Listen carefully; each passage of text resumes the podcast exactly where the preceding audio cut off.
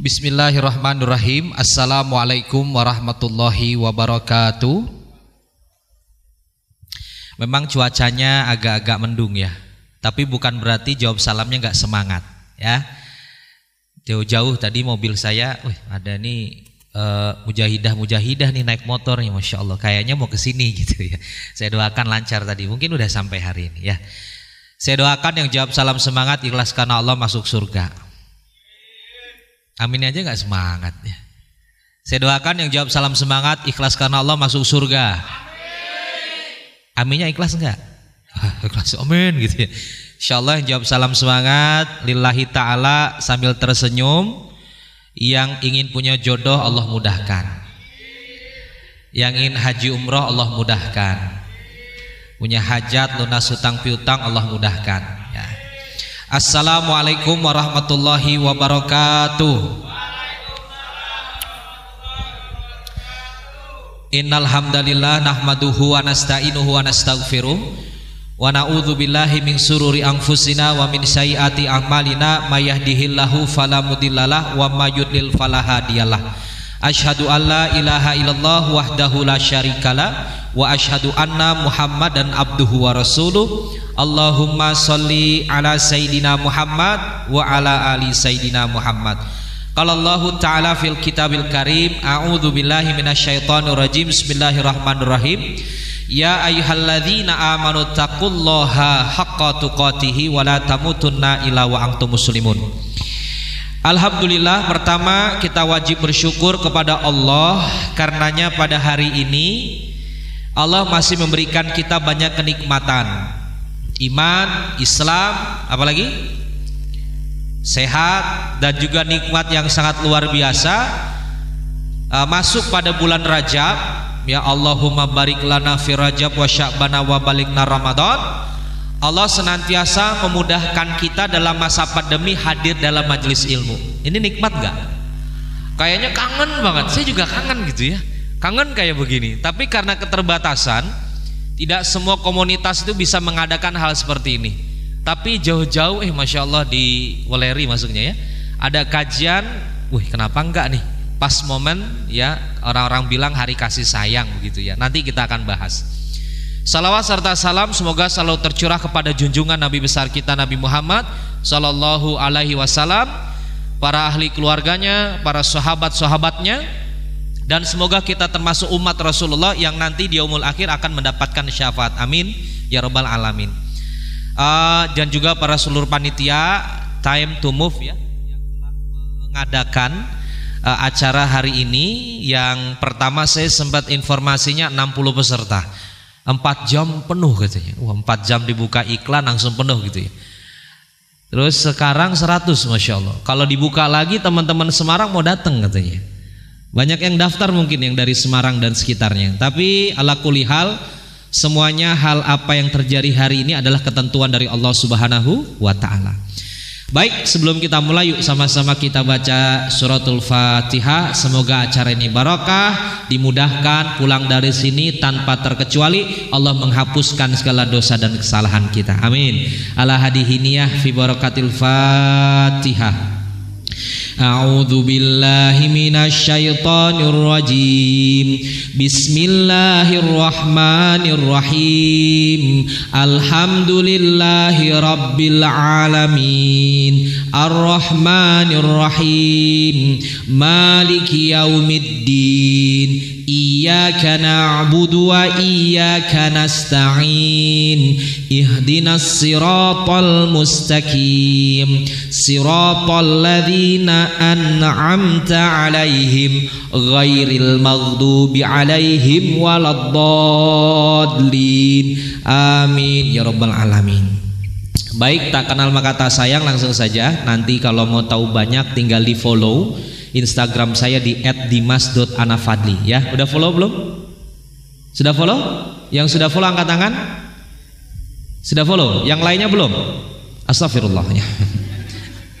Ini santai aja jangan tegang kayaknya wajah-wajahnya tegang banget.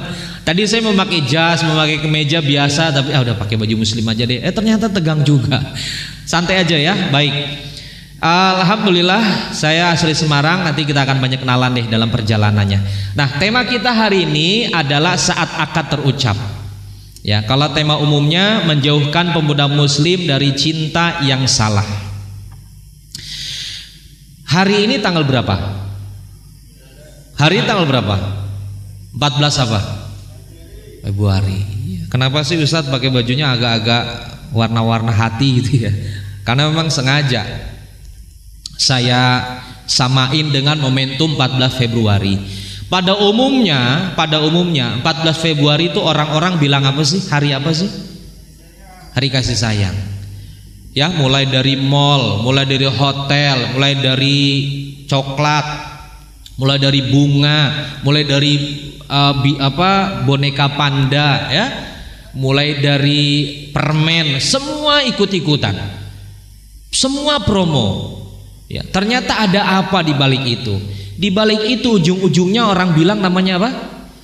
Katanya cinta katanya. Ya. Maka kalau berbicara dengan momen 14 Februari yang orang-orang sana mengatakan bahwa hari kasih sayang, bahwa Islam mengajarkan yang namanya kasih sayang itu bukan hanya setiap tahun pada tanggal 14 Februari. Islam sesungguhnya mengajarkan apa? Bahwa Kata Rasulullah tidak dikatakan sempurna iman seorang mukmin, betul? Pernah dengar hadis itu? Tidak dikatakan sempurna iman seorang mukmin apabila dia tidak mencintai saudaranya seperti mencintai Halo? Coba tarik nafas dulu satu dua tiga. Tahan, buang. Mencintai diri sendiri jadi tidak dikatakan sempurna iman seseorang apabila dia tidak mencintai saudaranya seperti mencintai diri sendiri. Lalu yang kedua Rasulullah mengibaratkan muslim itu satu bangunan. Muslim itu satu tubuh. Bila yang lain merasakan sakit, maka yang lain pun merasakan sakit. Islam itu bagaikan bangunan saling melengkapi, saling menutupi, saling menguatkan. Luar biasa coba dalam Islam. Ya. Maka kalau berbicara 14 Februari, maaf saya katakan itu bukan budaya Islam. Sepakat? Sepakat? Saya ulangi. Saya sebut aja ya. Hari Valentine itu bukan budaya Islam. Dan saya katakan jangan ikut-ikut momentum yang namanya hari kasih sayang. Ya. Maka kalau berbicara cinta, ini masya Allah ya Islam itu mengajarkan sangat luar biasa bahwa cinta merupakan sebuah perasaan yang diberikan atau diadugrahkan sang pencipta Allah Subhanahu wa taala kepada makhluknya. Siapa makhluknya? Yaitu manu manusia. Bahwa cinta itu fitrah. Boleh dong kita mencintai apa yang dikatakan makhluk ciptaan Allah boleh? Boleh? Boleh. Boleh dong kita mencintai apa yang diciptakan oleh Allah Baik sifatnya alam ini Baik sifatnya hewan Apa pun yang ada di dalam bumi beserta isinya Boleh kita cintai Karena cinta itu adalah fitrah. Ini saya baru globalnya dulu Bahwa Islam itu Masya Allah mengajarkan cinta yang sangat luar biasa. Ada istilah hablum minallah Bagaimana mahabbatullah cinta kepada sang pencipta. Itu cinta. Salat kita, zikir kita, sedekah kita, kajian kita semuanya lillahi taala. La ilaha illallah. Satu, dua, hablum minan nas disuruh cinta juga sama manusia. Hubungan bagaimana sang makhluk kepada makhluk yang lain. Ada ukhuwah Islamiyah, ada ukhuwah waponiyah, ada ukhuwah basyariah, semuanya itu Islam ada di situ. Ya, ada cinta atau istilah belum minal alam, cinta kepada seluruh alam beserta isinya. Makanya Islam itu mengajarkan bagaimana ini mungkin kebesaran. Volumenya kebesarannya. Islam mengajarkan mencintai ling, ling lingkungan, menjaga pohon, tidak boleh merusak, Kalau punya peliharaan jangan disia-siakan, diberi makan. Banyak bagaimana Rasulullah memberikan kasih sayangnya kepada hewan-hewan yang ada di sekelilingnya. Maka Islam itu Masya Allah sudah sangat sering dan rutin dan mungkin banyak membahas tentang cinta. Maka nggak aneh ya.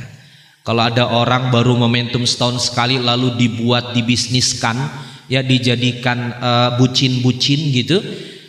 Bahwa Islam itu udah sangat luar biasa. Kalau kita paham hadir dalam kajian bagaimana kajian seorang ya muslim dengan muslim yang lain mendengar salamnya bagaimana kita menjawab salamnya bagian dari cinta. Menegurnya mengingatkannya itu bagian dari cinta. Maka masya Allah ya sangat luar biasa. Ini membuktikan bahwa bagaimana Rasulullah katakan tidak dikatakan sempurna seorang mukmin apabila dia tidak mencintai saudaranya seperti mencintai diri sendiri. Masya, masya Allah. Maka ifafila rahimakumullah, ini cinta ini fitrah ya. Ini saya baru pemanasan ya. Cinta ini fit fitrah. Maka cinta yang bersih, cinta yang suci ya, cinta yang derajatnya paling tinggi adalah cinta kepada Allah Subhanahu wa taala. Cinta yang dilandaskan atas Allah Subhanahu wa taala dan bukan cinta yang diniatkan hanya kepada makhluk semata. Ya. Saya cinta kepada istri saya.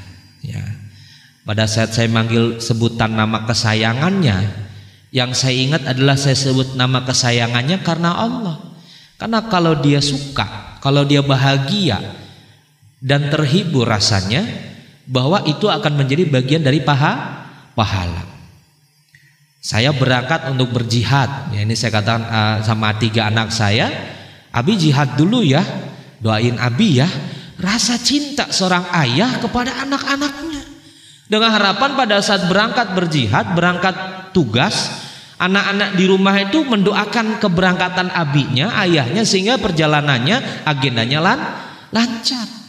Seorang umi atau seorang istri pada saat mengizinkan ya, pada saat meridoi, pada saat mendoakan suaminya berangkat, itu adalah bagian bukan dari paksaan, tapi karena mahabbahnya cintanya kepada Allah, akhirnya terlaksanalah apa yang namanya aktualisasi dalam memberikan rasa cinta walaupun bentuknya berbeda-beda. Bisa difahami? Time to move ya mengadakan kajian seperti ini tuh karena cinta loh.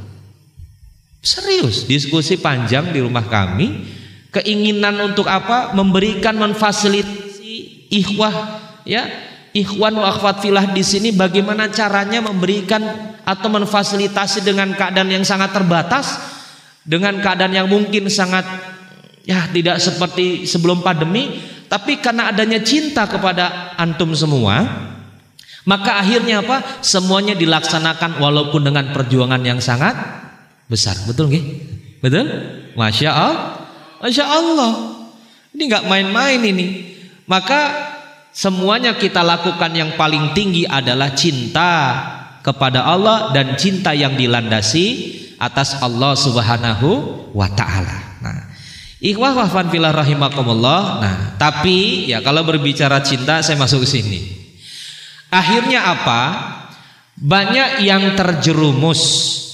Ya, banyak yang salah akhirnya ya tabu ya untuk mengapresiasikan cintanya. Kalau orang berbicara cinta, bayangannya itu ada laki-laki, ada perempuan. Sepakat enggak? Betul ya? Kalau orang ngomong cinta rasa-rasanya tuh ada laki-laki sebelah, perempuan di sebelah. Ini yang sekarang harus kita luruskan. Ini yang sekarang harus kita benarkan. Ya, maka tadi judulnya langsung ada akad ya, tapi belum. Ini langkah-langkahnya dulu. Maka ini yang salah nih akhifillah. Nih lihat nih.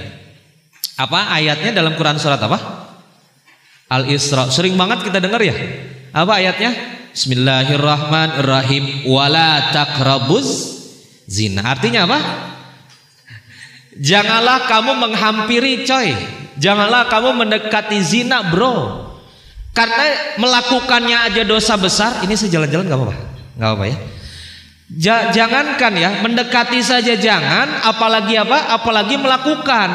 Sampai apa? Ya. Maaf nih mudah-mudahan sekarang nggak terjadi. Kalau berbicara Valentine, ini ada tiga hal. Satu, Valentine itu bukan budaya Islam. Ya, Oke? Okay? Dua, dua ya. Adalah Valentine itu banyak hal-hal yang tidak berfaedah. Oke? Okay? Tiga apa tiga? Adalah ujung-ujungnya di dalamnya rayuan-rayuan belaka atau bucin-bucin biasanya.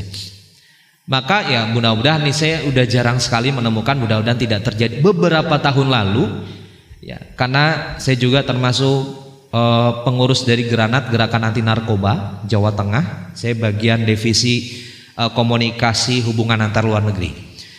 Pada saat kita ya sama ya kalau Granat kan ketemunya remaja-remaja juga ya. Apa hubungannya? Jadi pada saat setiap tanggal 14 Februari ini direkam nggak ini?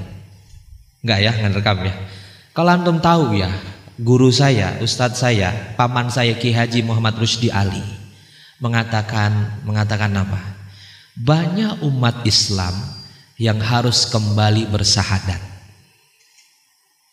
Ya, pada saat apa? Satu pada saat satu Januari. Saya ulangi, bersahadat ulang pada saat tanggal 1 Januari. Bisa difahami ya? Dua pada saat 14 Februari. Tiga pada saat 25 Desember. Maksudnya apa? Pada saat kita terlalu jauh tercebur di dalam yang namanya maaf yang katanya toleransi tapi di dalamnya ada keterkaitan keyakinan yang akhirnya mengikuti dari keyakinan yang bukan keyakinan kita. Akhirnya apa yang terjadi? Pada tanggal 14 Februari itu ya satu tempat saya pernah lihat ya hampir biasanya ini tanggal 14 nih ya malamnya banyak yang begadang satu tempat satu daerah ya di beberapa hotel sampai apa mendiskon 50 70 persen. Di luar pandemi loh. Ya waktu pandemi saya ke Jogja diskon sampai 60 persen. Ya wajar. Pandemi ya lagi banyak cari apa? Apa? Yang nginep kan? Saya ke Salatiga tadi diskon. Ya, saya langsung dari Salatiga ada acara tadi pagi sampai jam 1 tadi. Terus di mana lagi waktu itu saya ke Magelang diskon. Itu di masa tidak pandemi tapi eh, di pandemi, di luar pandemi setiap mendekati tanggal 14 Februari semuanya rata-rata apa? Diskon bersama pasanganmu menginap diskon 50%. Ada tulisannya begitu. Maaf bersama pasanganmu. Maaf, oh, anak SD juga tahu yang namanya pasangan itu apa? Pacaran. Apa apa? Pacaran. You understand? Yes ya. Kenapa? Makanya yang namanya zina itu jangankan melakukan dekatin aja jangan. Maka yang namanya orang-orang yang hijrah istiqomah godaannya luar biasa, bukan hanya dari dalam, dari luar godaannya termasuk apa? Ya dari lawan jenis. Karena yang namanya hubungan interaksi tidak akan bisa kita pungkiri. Lihat nih, Ustadz apa aja sih zina nih? Aduh, lihat tuh. Orang yang mindsetnya zina hanya hubungan kemaluan kurang tepat. Ternyata yang namanya zina mulai dari zina apa yang pertama? Hah? Apa zina apa? Oh, ada mata kenapa? Dari mata turun ke hati. Cie cie cie. Enggak ya. Pertama apa? Ada zina ha? hati. Ya, kenapa? Rasulullah mengingatkan bahwa dalam tubuh kita ada segumpal daging. Betul? Bila daging itu baik maka maka baik pula keseluruhannya. Tapi bila daging itu buruk maka semuanya akan bagi buruk. Maka ternyata ada zina hati. Ini yang sangat berbahaya coba. Diawali dari zina hati. Ternyata apa zina hati? Dalam hatinya menjadikan Allah itu bukan yang pertama. Di dalam hatinya menyampingkan Allah selalu mengingat selain Allah, termasuk pasangan yang dinamakan pasangan belum dalam hubungan halal. Akhirnya apa? Akhirnya Allah itu didengar sampingkan. Allah tuh maha cemburu loh. Betul? Kalau kita saja memikirkan makhluknya tapi tidak memikirkan yang dicipta atau tidak selalu memikirkan yang menciptakan, maka Allah cemburu. Maka ternyata zina ada zina hati itu selalu memikirkan hal-hal ya di dalam hatinya adalah senantiasa memikirkan bukan selain Allah. Akhirnya apa? Berkurangnya keyakinan, kekuatan keimanan kepada Allah Subhanahu wa taala. Maka ada istilah apa? Mau makan selalu ingat kamu, gitu? Asik gitu ya. Boleh saya nyanyi sedikit, boleh? Agak gaul dikit ya. Mau makan selalu ingat kamu. Pernah lagunya pernah denger enggak? Pernah ya? Mau tidur selalu ada kamu, betul? Pernah dengar lagu gitu? Mau mandi selalu muncul kamu. Astagfirullah enggak ya? Jangan-jangan ya. Maka itu berawal dari hati. Kenapa? Karena sudah mendominasi kecintanya kepada siapa? Makhluk bukan kepada Allah. Nah, yang maaf, yang sekarang mungkin ada yang hadir ke sini saya rasakan mungkin ada kebimbangan ya nanti kita banyak seri. Mungkin ada kegalauan. Nih berarti ada hatinya yang salah. Ada hatinya yang tidak bersih. Kenapa akhirnya muncul galau ya, kemurungsung ya, tidak tenang ya? Kenapa berawal dari hati? Kedua apa dua di situ? Oke, belum ke kemaluan dulu ya. Hati, mata tadi masnya bilang mata. Kenapa? Zina mata memandang hal-hal yang haram. Ya, memandang hal-hal yang dilarang oleh Allah Subhanahu wa taala, apalagi sampai-sampai memandang aurat dari yang bukan mahram. Ini mata. Terus apa lagi? Zinah mulut, ya membicarakan hal-hal yang berhalusinasi, eh berhalusinasi, pikirannya, berbicara hal yang berbau, ya, berbau tentang, ya, tentang apa?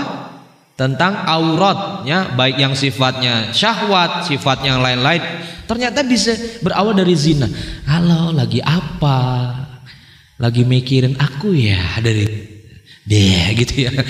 Astagfirullah ini yang di sana sini sehingga alhamdulillah. Ini yang di sana yang di laut begitu. Akhirnya apa? Terjadilah dalam lisan ya saling berbicara berbicara yang bukan tempatnya ya akhirnya memunculkanlah pikiran-pikiran yang tidak baik. Terus apa lagi? Ada zina apa lagi? Zina tangan. Ya zina ta tangan. Nah ini menurut penelitian ya. Tadi saya nyari gambarnya nggak ketemu. Ternyata begini. Kecenderungan ya kecenderungan orang yang melakukan hubungan dalam tidak ikatan halal atau pacaran bukan hanya sifatnya melakukan I love you. Bukan hanya gitu ternyata. Apa? I love you. Bukan hanya ngomong I love you saja. Ternyata setelah I love you ada hal-hal yang digiring. Siapa? Syaiton untuk apa? Untuk tadi. Ada zina tangan. Mulai dari colek, ya, mulai dari rangkul, ya, mulai dari ah, rambutnya dibenerin, ya kalau nggak pakai jilbab, ya. Mulai, pokoknya macam-macam deh. Gimana caranya setan itu tepuk tangan? Wah luar biasa. Akhirnya sampai apa yang terjadi? Nauzubillah. Sampai tadi saya berangkat, ya, dapat berita di daerah Banten ada seorang tukang sayur 43 tahun. Mungkin dia subuh-subuh mau ke pasar atau mau udah belanja gitu. Akhirnya di stop sama siapa? Di stop sama anak muda akhirnya apa? Dibunuh. Diperkosa. Padahal sebelum diperkosa si ibu itu bilang, "Jangan, Bang, jangan, Bang, anak saya banyak." Siapa yang nanti membiayai sempat ingat anaknya akhirnya karena dalam kondisi mabuk Akhirnya naudzubillahi min dalik dibunuh. Tadi saya baru lihat kejadiannya hari ini. Maka beralasan dari apa? Ya dari tangan. Ya, akhirnya apa? Tangan senantiasa pada saat berada di dalam kondisi bersama orang yang bukan mahram, apalagi terlebih dia dalam hubungan pacaran ada keinginan untuk menyentuh. Ya, ada keinginan untuk menyentuh. Ada yang sampai bilang, "Kamu benar gak cinta aku?" Benar. Enggak ah, aku mau bukti. Ada yang sampai gitu. Buktinya apa? Enggak, pokoknya kamu harus bukti gitu. Akhir sampai terjadi hubungan nauzubillah, ya, hubungan apa? Seksual. Ini banyak terjadi. Nanti saya kasih tahu ya datanya. Ternyata 2018 akhir ya 2019 awal itu dari Badan Penanganan AIDS ya Jawa Tengah ternyata 17.000 pelajar Jawa Tengah terjangkit HIV AIDS beritanya hilang akhirnya ya 17.000 pelajar Jawa Tengah terjangkit HIV HIV AIDS ya Badan Penanggulangan uh, AIDS pokoknya nanti di searching aja di googling aja ada di situ Ternyata dari 17.000 90% terjadi karena apa? LGBT. LGBT. Sisanya ya di antaranya ya seks ya. Ada yang senangnya sama laki-laki, laki-laki, perempuan sama perempuan udah mulai ya suka ACDC, perempuan suka juga, hayo, laki-laki suka juga, hayo. Ada yang transgender, yang perempuan jadi laki-laki, laki-laki jadi perempuan. Ini tanggung jawab kita. Sekarang kita sudah hadir hadir kajian ini harus menguatkan diri kita dan mengajak orang lain untuk kembali ke jalan yang yang benar. Amin Allahumma amin. Apalagi itu ada zina apalagi? Ada zina mata. Nah, ada zina kema kemaluan. Ternyata pada saat orang jalan bertiga, eh salah, berdua, laki-laki dan perempuan berdua jalan, ya. Dan maaf, ya, pada saat dicek suhu panas tubuh, ya, dicek suhu panas tubuh itu manusia normal kayak kita itu sesungguhnya itu warnanya biru. Ya, saya ulangi. Cek suhu panas tubuh warnanya biru, beda dengan uh, termogan, bukan. Tapi ini cek suhu tubuh ya di screening ternyata warna biru. Tapi pada saat dia sudah dengan lawan jenis, laki-laki dengan perempuan yang tanpa status yang halal, berduaan jalan, ternyata pas di screening luar biasa. Birunya ada bagian-bagian yang hilang. Bagian mana yang birunya hilang? Satu screeningan dari atasnya. Ternyata yang berubah menjadi merah membara, uh, membara tuh adalah bagian otak, bagian pikiran, mulai berimajinasi. Betul nggak? Betul nggak? Oh enggak ya enggak enggak ini saya contoh nah. Abisnya serius banget gitu ya sampai enggak napas astagfirullah ya. Ternyata pas di screening tahu nggak di screening ya seret gitu Ternyata yang paling merah birunya hilang, ternyata bagian kepala, Bro. Ternyata di sini udah mulai apa? Suhu panas tubuhnya berubah membara-bara. Ternyata apa? Di dalam otaknya, di dalam pikirannya, maaf ya, sudah ada sesuatu hal yang dipikirkan yang lebih. Lebih kepada apa? Karena dia bersama pasangannya akhirnya muncul pikiran-pikiran yang digoda oleh se setan. Apa pun itu wallahu a'lam. Lalu turun lagi ke bawah. Bagian apakah yang menjadi merah? Tahu nggak? Hah? Hati betul. Kok tahu sih? Oh jadi ya. bagian hati. Ternyata yang menjadi merah membara itu bagian hati. Kenapa? Udah mulai. Dakdik, dakdik. Uh bawaannya aduh. Azan lewat, diantar. Pokoknya gimana caranya ada kesempatan bersama doi. Belum selesai baru dua. Yang ketiga bagian apa? Bagian apa? kemaluan. Ada keinginan, kecenderungan hal yang lebih. Mungkin belum hari itu. Next, kapan lagi? Next, belum next. Nanti sampai setan itu bahagia. Karena setan tugasnya memang menggoda. Betul ya? Betul ya? Setan itu tugasnya menggoda bukan mengeksekusi. Yang eksekusi ya manusia yang lemah imannya. Setan tuh iblis tuh tugasnya menggoda janji dalam surat Al-A'raf ayat 16 ya kalau tidak salah. 16 17 18 ada tiga surat uh, tiga ayat itu. Bahwa iblis kesel karena diusir oleh Allah dari surga mau dimasukkan ke neraka. Akhirnya iblis bilang ya Allah tangguhkan aku. Ya tangguhkan aku tuh istilahnya tuh jangan dulu ya Allah. Kenapa? Karena dia ya beliau menunjuk Nabi Adam ya yang menjerumuskan aku akhirnya ke neraka, tangguhkan aku, aku akan goda keturunannya. Jadi iblis itu udah berapa ya? Ber, udah bahasanya tuh udah sumpah akan menggoda kita keturunannya dari apa? Empat penjuru mata angin. Dari depan iblis bilang tuh dalam Quran surah Al-A'raf. Dari depan ya Allah, kalau aku uh, hambamu sanggup dari depan, aku akan goda dari belakang. Kalau hambamu sanggup dari belakang, ya aku goda dari kanan. Kalau hambamu sanggup dari kanan, aku goda dari kiri. Bayangin iblis nggak akan putus asa sampai kita blek jatuh ke dalam aku menyesal begitu. Maka ini harus diperhatikan. Maka Masya Allah sangat luar biasa. Inilah cinta yang terlarang. Ya, saya katakan cinta yang terlarang. Ustadz sekarang posisi aku masih pacaran gimana? Nah, misalnya ada yang nanya sekarang. Gimana caranya Ustadz? Satu banyak istighfar. Ya, nanti kan kita ada sabah nih ya. Ada istighfar. Untuk apa istighfar? Mengingat, ingat kemarin kan waktu terbagi tiga. Ya, ya, yang kemarin dinamakan memoris. Ya, yang lalu itu goib. Waktunya sudah punya Allah karena semuanya sudah tercatat. Waktu kapan lagi? Next atau dream, waktu masa depan itu punyanya Allah, goib kita nggak akan tahu. Ya, waktu kita kapan? Now. Jadi sekarang yang kita lakukan adalah yang terbaik bagi Allah Subhanahu wa taala. Sekarang kita melihat memoris kita yang lalu apa? Apakah dengan pacaran banyak manfaatnya? Ada manfaatnya, tapi lebih banyak ketidakmanfaatannya. Ya, lebih banyak hal yang menjauhkan diri daripada Allah Subhanahu wa taala. Maka Allah sangat luar biasa ini. Maka ini adalah cinta yang terlarang. Ya, aku ini udah cinta, ya, tapi aku masih mau males dan aku mau males apa? Mau males menikah katanya. Ternyata orang yang saya tanya begitu ya di antara orang yang menunda nikah, ini saya ngomong nikah langsung ya, nggak apa-apa ya, karena sudah ngomong akad ya. Nanti kita banyak diskusi aja. Ternyata ini nih setelah survei, satu alasan orang yang nikah, padahal ini solusi loh, solusi dari bagaimana kita sudah kerja sudah, sudah punya penghasilan tetap ya, insya Allah walaupun mungkin ya bahasanya masih berjuang.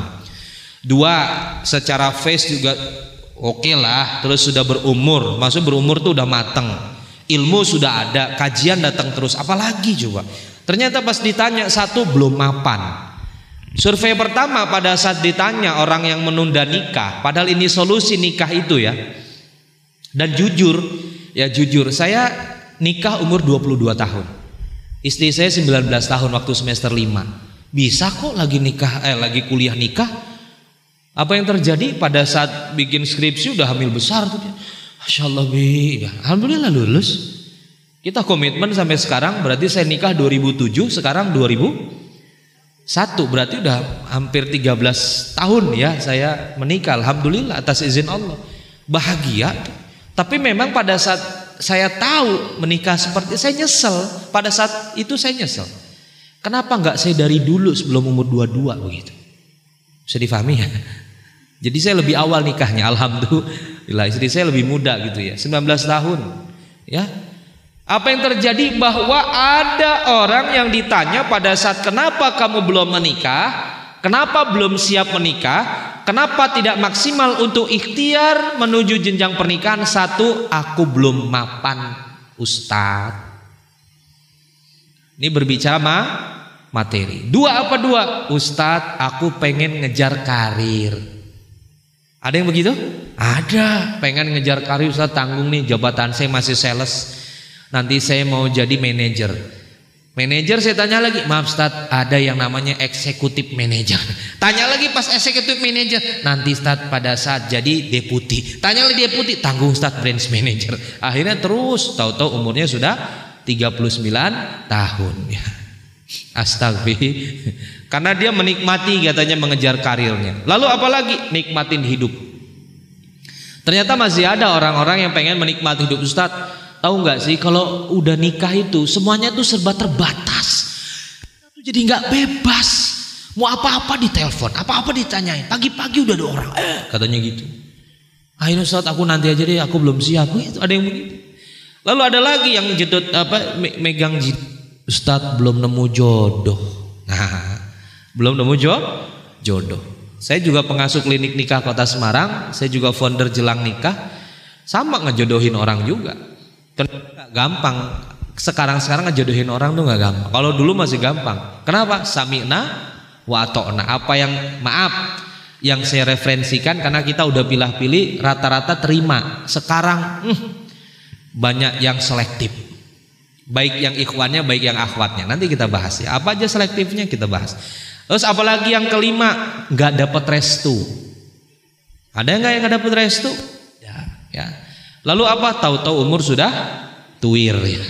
Sudah 30 tahun ke atasnya. Ini alasan unda nikah. Maka kalau kita tahu ya wafilah dalam Quran surah Az-Zariyat Allah sudah memberikan dari e, bagaimana dengan firman-Nya manusia itu berpasang-pasangan. Ya. Supaya apa? Mengingat kebesaran Allah bahwa dengan ikatan pasangan itu apalagi dengan ikatan pernikahan maka semakin dekat, semakin taat, semakin kuat imannya kepada Allah Subhanahu wa taala. Lalu berikutnya dalam Quran surah Yasin yang sering kita baca terlebih setiap malam Jumat. Dalam surat Yasin surat ke-36 ayat 36 Maha suci Allah yang telah menciptakan pasangan-pasangan semuanya baik dari apa yang ditumbuhkan oleh bumi dan dari diri mereka maupun apa yang tidak mereka ketahui. Jadi ada pasang-pasangan baik yang secara zohir kita tahu ataupun kita nggak tahu Allah sudah memasang-masangkan. Jadi nggak ada istilah Ustadz ya, saya jomblo visabilillah. Ustadz saya gelilah. Ya, sampai kapan? Wallahu alam katanya. Padahal harus punya target. Nanti saya kasih tahu caranya gimana ya. Lalu dalam Quran surah An-Nur ya wanita yang baik ini sekufu. Ini, ini masuk dari bagian materi saya yang lain. Apa? Sekufu itu nanti sep, apa namanya? Sepadan. Apa sepadannya? Wanita yang baik untuk laki-laki yang baik. Ini namanya sepadan. Lelaki yang baik untuk wanita yang baik pula ya bagi mereka ampunan dan rizki yang melimpah yaitu surga. Jadi orang yang nikah itu ya jelas bahwa apa? Surga yang Allah akan berikan. Karena di dalam menjalankan perintah Allah bagaimana menunaikan sunnah Rasulullah di dalamnya juga bergelimang pahala dan insya Allah akan mendapatkan banyak barokah dari Allah subhanahu wa ta'ala. Jelas dalam Quran surah An-Nur. Lalu apa lagi Rasulullah Shallallahu Alaihi Wasallam menyampaikan wahai generasi muda barang siapa di antara kamu telah mampu berkeluarga hendaknya ia kawin ya atau menikah karena dapat menundukkan pandangan. Ya maksudnya menundukkan pandangan ini matanya nggak ke mana-mana. Tidak melihat hal-hal yang dilarang Allah Subhanahu Wa Taala dan memelihara kemaluannya Barang siapa belum mampu hendaknya berpuasa sebab ia dapat mengendalikanmu. Jadi yang belum bisa belum kuat ya secara finansial mungkin secara tekad atau niat maka dianjurkan oleh Rasulullah banyak-banyak puasa sun sunnah. Ya, karena kalau nggak puasa sunnah ya macam-macam tuh ke mana-mana ya. Ustaz ada nih cerita. Iya. Kebetulan di salah satu kampus di Semarang. Ustadz, saya tuh pengagum rahasia. Widih. Tahu nggak pengagum rahasia? Dia suka ya sama si akhwat itu, tapi dia hanya pengagum, nggak berani ngomong. Akhirnya sampai Ustadz, saya tuh pada saat kampus ngelihat motornya aja gemeteran, ya Allah. Jadi dia mau ke kampus nih, terus ngelihat motornya parkir, dia udah salah tingkah. Betul ya? Ngelihat orangnya lewat udah keringet dingin, pengagum rahasia katanya. Saya katakan hati-hati kalau hanya pengagum, ayo gentleman bilang kalau memang diterima alhamdulillah. Kalau belum masih ada akhwat yang lain. Yang penting kamu jangan sampai seperti ini. Nanti apa hidupmu habis hanya untuk menjadi pengagum. Ya, astagfir, astagfirullah. Ikhwan al Nah, ini jadi ada tingkatan ya. Ada jais, wajib, sunnah, makruh, haram ya. Maksudnya apa? Di sini tingkatan untuk bagaimana hukum dalam menikah. Kalau sudah punya kemapama, kemapanan ya, secara zohirnya juga sudah baik ya, secara umur sudah matang, ya sifatnya adalah wajib ya. Dia telah mampu sanggup menikah, sedangkan bila tidak menikah khawatir Waktu saya menuliskan di buku diary saya umur saya 21 tahun saya tulis Bismillah ya Allah nikah Agustus 2007 saya tulis di buku diary saya digabung sama buku telepon ya. Kalau laki-laki kan gitu, Budi 0856 gitu ya. Laki-laki beda kayak perempuan digambar apa. Kalau laki-laki kan simple. Bismillah ya Allah Agustus 2007 nikah. Akhirnya apa? Saya rasakan, wah ini semakin ke sini kok luar biasa. Saya waktu itu bekerja di perusahaan besar, banyak ketemu interaksi dengan orang Muslim maupun non Muslim, terutama Cina. Ya, waktu di salah satu uh, apa apa uh, lembaga pendidikan yang besar di bidang IT, lalu saya katakan, wah ini luar biasa. Makanya saya berdoa, ya Allah kalau ini begini terus, saya khawatir terjerumus ke dalam perbuatan yang kau larang ya Allah. Maka mudahkan saya istikharah setiap pagi. Pokoknya habis duha saya istikharah.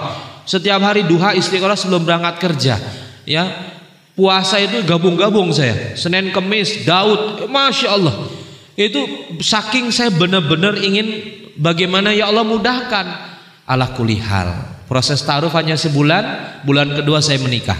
Ya, jadi benar ternyata Agustus tanggal 4 saya menikah dengan istri saya Nur Saadah. Pas saya buka buku diary istri saya saya lihatin. Eh, kamu pernah nulis di buku diary ya Agustus 2007. Ternyata pas saya nikah tanggal 4 2007. 4 Agustus 2007. Ternyata apa? Apa yang kita pikirkan itulah yang akan kita da dapatkan. Tapi kalau antum mikir bahwa nikah itu sulit, nikah itu berat, nikah itu mungkin akan membawa diri kita semakin banyak resikonya, maka di situlah pula Allah akan berikan banyak rintangan-rintangan. Ya, maka kita lihat masuknya kategori yang mana. Ada yang haram. Ternyata nikah niatnya untuk berbuat tidak baik. Ada loh yang nikah untuk mendapatkan warisan, ada. Ada yang nikah karena apa? Karena fisiklinya ada. Enggak satu dua saya tahu hal demikian. Nauzubillahimin dzalik. Maka jelas satu jaminan dari Allah ada tiga golongan yang wajib bagi Allah untuk menolongnya. Jadi enggak ada dalam tiga golongan ini tidak ada di luar dari pertolongan Allah. Allah pasti nolong. Ini janji Allah loh. Ya, jadi yang sudah mulai timbul ya virus-virus merah jambu yang sudah timbul rasa-rasa ingin untuk memiliki rumah tangga, memiliki pasangan hidup yang sehidup semati sesurga, maka ini janji Allah. Apa janjinya? Yang pertama adalah seseorang yang berjihad di jalan Allah. Ini pasti Allah tolong. Kedua, seorang yang menikah dengan niat menjaga diri dari kemaksiatan. Pasti Allah tolong. Ya. Ini janji Allah. Masuknya apa? Wa mayyattaqillaha yaj'alahu makhraja wa yarzuqhu min haitsu la yahtasib. Barang siapa bertakwa kepada Allah, niscaya dia akan mengadakan baginya jalan keluar dan memberinya rizki dari arah yang tiada disangka sangka. Jadi motivasi kami, saya dan istri waktu itu ini. Kalau mau diceritain sebenarnya sedih tapi ini buat motivasi aja. Saya dulu punya tabungan hanya 600 ribu. Saya hanya sales. Ya, sales buku waktu itu. Baru kontrak kerja tiga bulan. Ya, singkatnya sudah empat kali saya mengajukan ke ibu saya untuk menikah. Yang keempat baru diterima. Maksudnya apa? Tadi nggak ada dapat restu paham ya yang namanya orang tua pasti ada titik luluhnya tergantung cara kita aja kok saya yang keempat ngomong baru diterima dalam jangka waktu satu dua bulan jadi nggak ada kata nggak nggak dapat restu nggak mungkin banyak yang curhat ke saya bayangin aja Ustadz saya nggak dapat restu karena beda suku Ustadz saya nggak dapat restu karena dia keluarga ini Kemarin ada maaf yang datang ke kami, akhirnya gagal nikah. Apa yang terjadi? Wafillah Udah mau nentuin tanggal juga. Gak jadi gara uang apa? Laki-laki kan suka bawa uang ya. Gitu ya. Merasa uangnya si ikhwannya atau laki-lakinya sudah mengiyakan pas bawa keluarga orang tuanya merasa keberatan akhirnya gagal nikahnya Saya kadang merinding gitu dengan ya Allah sayang banget ya. Tapi ini cara Allah ya untuk memberikan pembelajaran bagi orang tersebut ataupun kita. Maka banyak hal-hal yang terjadi apa? Kalau sudah siap ya, dalam menjalankan perintah Allah 600 ribu saya cuman punya di tabungan. Saya katakan yang keempat pas mamah saya bilang Bismillah mama setuju. Wih seneng banget. Langsung 600 ribu saya bagi-bagi 235 atau 325 saya beli roti buaya. Kenapa saya beli roti buaya? Kenapa? Karena istri saya orang Betawi. Ya, cari roti buaya udah tiga sisanya buat mengikat cincin nikah waktu itu. Ya, tapi masya Allah ya perjuangan demi perjuangan sampai hari ini 13 tahun Ya, karena kita dalam ta'aruf berkomitmen untuk apa? Untuk tetap di jalan dakwah. Jadi setelah menikah bukan berarti berguguran gak datang kajian, gak mau ngajar, gak mau ngajari ngaji anak-anak TP Anda. Kita malah berusaha untuk semakin produktif untuk memberikan kebaikan dan memberikan inspirasi. Sampai hari ini saya ada di depan antum semua. Kenapa ingin berbagi? Ya nanti kita banyak tanya aja ya. Oke, eh udah setengah enam. Masya Allah ya. Baik ya. Itu ya. Jadi ini singkatnya seperti itu ya. Jadi oke okay, ini ini aja ya uh, slide yang gampangnya aja tak ada ta'aruf ya, ada khidbah, ada akad nikah. Oke, okay, kita banyak tanya aja deh. Ya, karena maghrib jam 6 berapa sekarang? Jam 18.17 ya. Kurang lebih ya, jam 6 lewat ya. Itu aja ya, banyak tanya aja ya. Diskusi ya. Oke. Okay. Ini materinya tentang ini aja sih, tentang ta'aruf prosesnya ya. Ada ta'aruf, ada khidbah, ya, ada akad nikah, walimah. Ini memantaskan diri ada rumus 5K ya, bagaimana siapa nikah nih kalau udah mau siap-siap nikah. Oke, saya buka deh apa di MC dulu mau gue MC? Apa langsung? Yang mau tanya angkat tangan boleh ya. Satu. Ada yang Oke, satu. Ada lagi tunggu, ada lagi? Ayo Ikhwan ada lagi? Boleh, tapi nanya berkaitan dengan ini ya. Biar nanti kita uh, apa senada ya. Ada lagi? Yang akhwat. Oh, akhwat boleh pakai kertas boleh. Silahkan kalau uh, lebih nyaman pakai kertas tulis dulu nanti kasih ke panitianya nanti kasih kode saya saya ambil. Oke, sambil nulis boleh. Ikhwannya ada lagi? Oke, satu dulu mau silahkan. Nama dari mana ya? Assalamualaikum warahmatullahi wabarakatuh. Waalaikumsalam warahmatullahi wabarakatuh. Nama Usman dari Waleri. Masya Allah, jauh banget ya. Oh sih jauh ya. Alhamdulillahirabbil alamin. Alhamdulillahilladzi liyas alhamdulillahilladzi anzala sakinah fi qulubil mu'minin liyasdadu imanan ma imanihim. Subhanallah Ustaz, tadi dikatakan bahwasanya persiapan menikah itu harus benar-benar dipersiapkan dari jiwa, raga dan iman tentunya. Iya. Saya di sini ingin bertanya, ada teman saya mengatakan bahwasanya ketika dia dekat dengan seseorang itu membuatnya semakin dekat mahabbahnya kepada Allah Subhanahu wa taala. Ya. Itu menurut pandangan Ustadz bagaimana? Mohon maaf. Assalamualaikum warahmatullahi wabarakatuh. Waalaikumsalam warahmatullahi wabarakatuh. Semakin dekat dengan seseorang berarti lawan jenis ya? Benar? Bilang aja iya ya. Oke. Semakin dekat dengan lawan jenis, ikhwan semakin dekat dengan salah seorang akhwat itu, maka semakin dekat dengan Allah. Begitu cara ya, cara setan untuk apa? Untuk mengadakan yang namanya pembenaran. Tahu pembenaran? Kalau memang dekatnya niatnya ingin dihitbah, niatnya ingin diseriuskan itu baik.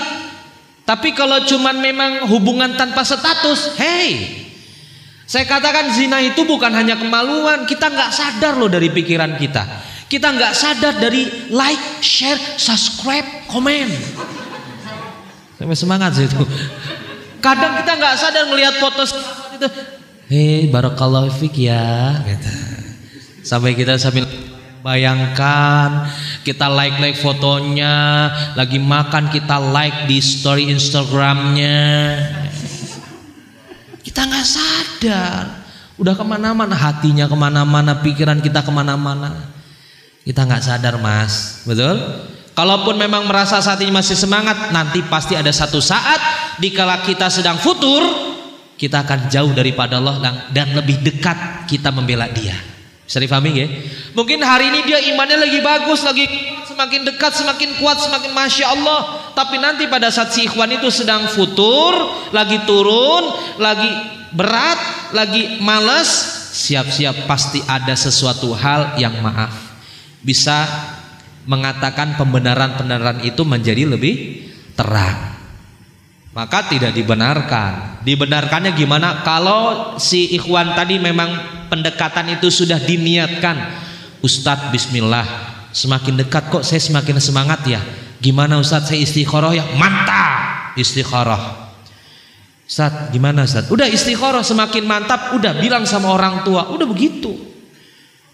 Karena rasanya akan lebih beda loh ya dengan apa dengan hanya hubungan yang sifatnya tanpa se status. Nanti ada terjerumusnya kalau hal-hal yang demikian kalau tidak disetuskan dengan ikatan yang ha yang halal. Itu enggak ikhi? Insyaallah. Boleh. Satu lagi ya biar nanti bagi-bagi yang lain. Terus hukum chattingan sama akhwat yang di mana di situ kita belum dihalalkan. Itu mm, metodenya biar tidak terjerumus dalam Wah. perzinahan itu bagaimana? Mohon pengertian syukuran jazakumullah Ustadz chattingan dengan akhwat supaya tidak terjerumus dikatakan zina itu gimana Ustaz? Kalau sementara chattingannya satu memang benar itu bagian dari aktivitas ya yang bukan menjurus kepada perasaan sih sah-sah saja. Betul gak? Misalnya chatting uh, akhir nanti kita rapat ya uh, time to move jam sekian hanya itu saja. Ya, apalagi nggak pakai suara. Assalamualaikum Ukti, udah sampai mana? Itu lain namanya ya. Itu namanya ada sesuatu ya. Aku lagi berangkat pakai motor sama siapa? Astagfirullah ya, jangan ya. Jadi jangan sampai ada hal-hal yang demikian ya, ya. Terus kedua apa? Jangan WhatsApp pakai perasaan yang berlebih. Sudah pahami? WhatsApp pakai perasaan yang berlebih. Ketahuan gak sih orang pakai WhatsApp perasaan berlebih kepada seseorang Ahmad? Mbak manggut-manggut tahu ya? Ada ikhwan yang WhatsApp kepada Mbak nih. Tahu nggak dia cara WhatsApp yang sesuatu something-something tahu ya? Perempuan lebih tahu loh. Di titik-titik-titik dipakein apa? Gambar-gambar motion ah gitu ya. Motion-motion malu apa. Nih ikhwan nih gimana sih gitu ya? Biasanya akhwat lebih tahu. Kalau memang itu bagian dari aktivitas umum, aktivitas yang memang bagian dari aktivitas keseharian silahkan. Ya yang pertama yang kedua jangan pakai perasaan. Ya yang ketiga ya akhwat juga harus jaga izahnya ya. Untuk apa? Untuk semoga atau untuk terjauhkan dari bahasa-bahasa laki-laki. Karena maaf perempuan itu lebih perasa. Jadi kalau yang perempuan atau akhwat sering dipuji-puji wajar kalau tersipu-sipu. Kalau ikhwan itu lebih ke realita ya lebih ke logika. Jadi dipuji-puji apa dingin-dingin aja. Tapi rata-rata laki-laki yang gombal itu senangnya begitu WhatsApp dipuji ukti apa kabarnya? Gimana? Sudah ketemu ibu? Ya apa-apa jawab tentang ibu ya. Nanya-nanya ke sana-sana. Akhirnya terus sipu-sipu dibalas lagi. Balas-balasan gak terasa jam 3 di WhatsApp. Kiamulail ya ya Allah Betapa segarnya wajah ini dibasuh dengan air wudhu. Cielah. Ku gelar sejadah panjatkan doa untuk bersamamu. Ya Allah ya Jangan ya. Ini contoh ya contoh. Kadang ada yang baper-baper begitu contoh. Gitu akhir ya. Boleh sah saja WhatsApp boleh, boleh. Tapi jangan sampai tadi ya di luar dari hal yang memang penting dan juga jangan membawa perasaan. Ya, karena apa? Karena akhwat itu jauh lebih. Kita cuma jawab satu, perasaan akhwat itu bisa sepuluh yang dirasakan. Hati-hati dengan kita mengucapkan kata-kata kepada ah, akhwat. Ya, insya Allah. Gitu ya, jelas ya? Eh, insya Allah. Ada lagi? Assalamualaikum warahmatullahi wabarakatuh. Waalaikumsalam. Ini yang nanya akhwat tapi ikhwan ini. Oh, catatan. Ini ada empat pertanyaan dari akhwat. Yang pertama, Assalamualaikum Ustaz. Waalaikumsalam warahmatullahi wabarakatuh. Bagaimana cara menentukan jodoh yang baik dan bagaimana cara memilihnya jika sudah ada beberapa kandidat? Karena takut salah pilih dan menyesal. Ini Syukron. Keren. Aduh, pertanyaannya dua. Ustadz, iya. Gimana cara menemukan jodoh yang baik, ya? Dan gimana cara menentukan jodoh yang terbaik dari ada beberapa kandidat. Cie cie cie cie. Oke. Jelas ya kata Rasulullah Shallallahu alaihi wasallam dalam sabdanya kalau kita memilih pasangan ya itu ada empat. Yang pertama ya apa karena cantiknya atau gantengnya gitu ya. Yang kedua apa karena nasabnya atau keturunannya. Yang ketiga karena hartanya ya atau materinya atau uangnya. Yang keempat apakah karena agamanya. Ternyata dalam hadis itu dari empat kriteria itu belum selesai. Apabila engkau ingin bahagia atau dikatakan beruntung di dunia dan di akhirat, bahasanya seperti itu, maka apa? Rasulullah memprioritaskan, memprioritaskan berarti apa? Menekankan. Difahami? Menekankan pilihlah karena agamanya. Bahasa karena agamanya ini dalam loh. Kenapa dalam? Karena pada saat kita menikah karena agama, ya, karena agamanya seseorang, pasti pada saat memberikan cinta kasih dan sayangnya bukan hanya satu dua hari saja, tapi ada bahasanya pada saat di dunia dia mengasihi kita dengan sepenuh hati, pada saat di akhirat pun kita akan bertemu lagi di surga. Amin Allahumma pada saat memiliki anak. Ada yang bilang juga Ustadz kalau kita pilih agamanya kita akan dapat satu dua tiganya. Amin. Kenapa? Karena harta bisa diperjuangkan. Karena cantik bisa dipoles. Betul? Sekarang banyak handphone Cina bisa moles-moles wajah. Betul ya? Yang jadi nggak glowing jadi glowing. Betul nggak? Handphone Cina sekarang kan begitu. Itu bisa dipoles. Apalagi karena nasab kita akan perbaiki nasab atau keturunannya. Maka pilihlah karena apa? Karena aga agamanya. Satu itu ya. Dua, Ustadz gimana cara pilih kandidat yang ada? Cara pilihnya gimana? Jangan pakai perasa. Jangan pakai sesuai dengan pilihan kita, tapi jadikanlah pilihan Allah pilihan yang terbaik untuk kita. Caranya gimana Ustadz? Perbanyak minta sama Allah. Yang pertama dengan istikharah. Apa itu istikharah? Salat dalam kita memilih apalagi tadi akhwatnya bilang beberapa kandidat. Asyik. Berarti kalau kandidatnya tiga, boleh nggak Ustadz sebut nama? Boleh. Atau kamu yang akhwat tadi sudah punya di antara tiga yang paling dak dikduk. Siapa? Sebut aja namanya. Di mana? Di sepertiga malam minta curhat baper di depan Allah. Sebut namanya boleh Ustadz sebut, tapi jangan di dekat dia. Ya Allah Ustadz semoga Budi suka sama saya Ustadz. Katanya Budinya dia di sebelah. tapi jangan begitu, itu namanya cari muka. Tapi mintalah sama Allah, ya kita doa, kita munajat, ya Allah, ya muqallibal qulub, sabit qalbi ala dinik. Engkau yang membulak-balikan hati ya Rob. Si fikri ya Rob, kalau memang terbaik buatku. Jadi karena dia jodoh seumur hidupku dan sesurgaku. Cie. Boleh gak itu Ustaz? Boleh. Ya, jadi Mbak banyak istikharah, minta sama Allah pilih yang terbaik ya. Ustaz tandanya gimana? Kadang ada yang nanya gitu. Ustaz tandanya gimana dia itu kandidat saya? Ya sebenarnya bukan tanda dari tanda nafsu ya. Tapi nanti Allah tunjukkan di dalam perjalanannya Semakin kita minta sama Allah Semakin kita kuatkan sama Allah Nanti Allah tunjukkan jalannya Tiba-tiba ada yang maaf, ya yang ada masalah sedikit dengan orang tuanya akhirnya mundur. Tiba-tiba maaf yang akhirnya orang tua yang gak setuju dia harus menyelesaikan kuliah mundur. Tiba-tiba ada satu yang kuat. Nah inilah yang bisa dikatakan kalau menurut Allah baik pasti baik untuk untuk kita. Tapi kalau menurut kita baik belum tentu menurut Allah baik. Maka yang lebih baik adalah menurut Allah. Betul ya? Jadi pada saat kita menentukan pasangan hidup kita, mintalah kepada Allah. Saya teringat apa yang dikatakan Ustadz Handi Boni. Uh, berapa kali saya ketemu kajian di Semarang bareng, beliau mengatakan jemputlah jodoh dengan cara yang baik, maka Allah akan menghantarkan jodoh pun dengan cara yang baik pula. Saya difahami? Jemputlah jodoh dengan cara yang baik, maka Allah akan hantarkan jodoh kita pun dengan cara yang baik pula. Amin Allahumma amin. Gitu ya. Ada lagi? Oh.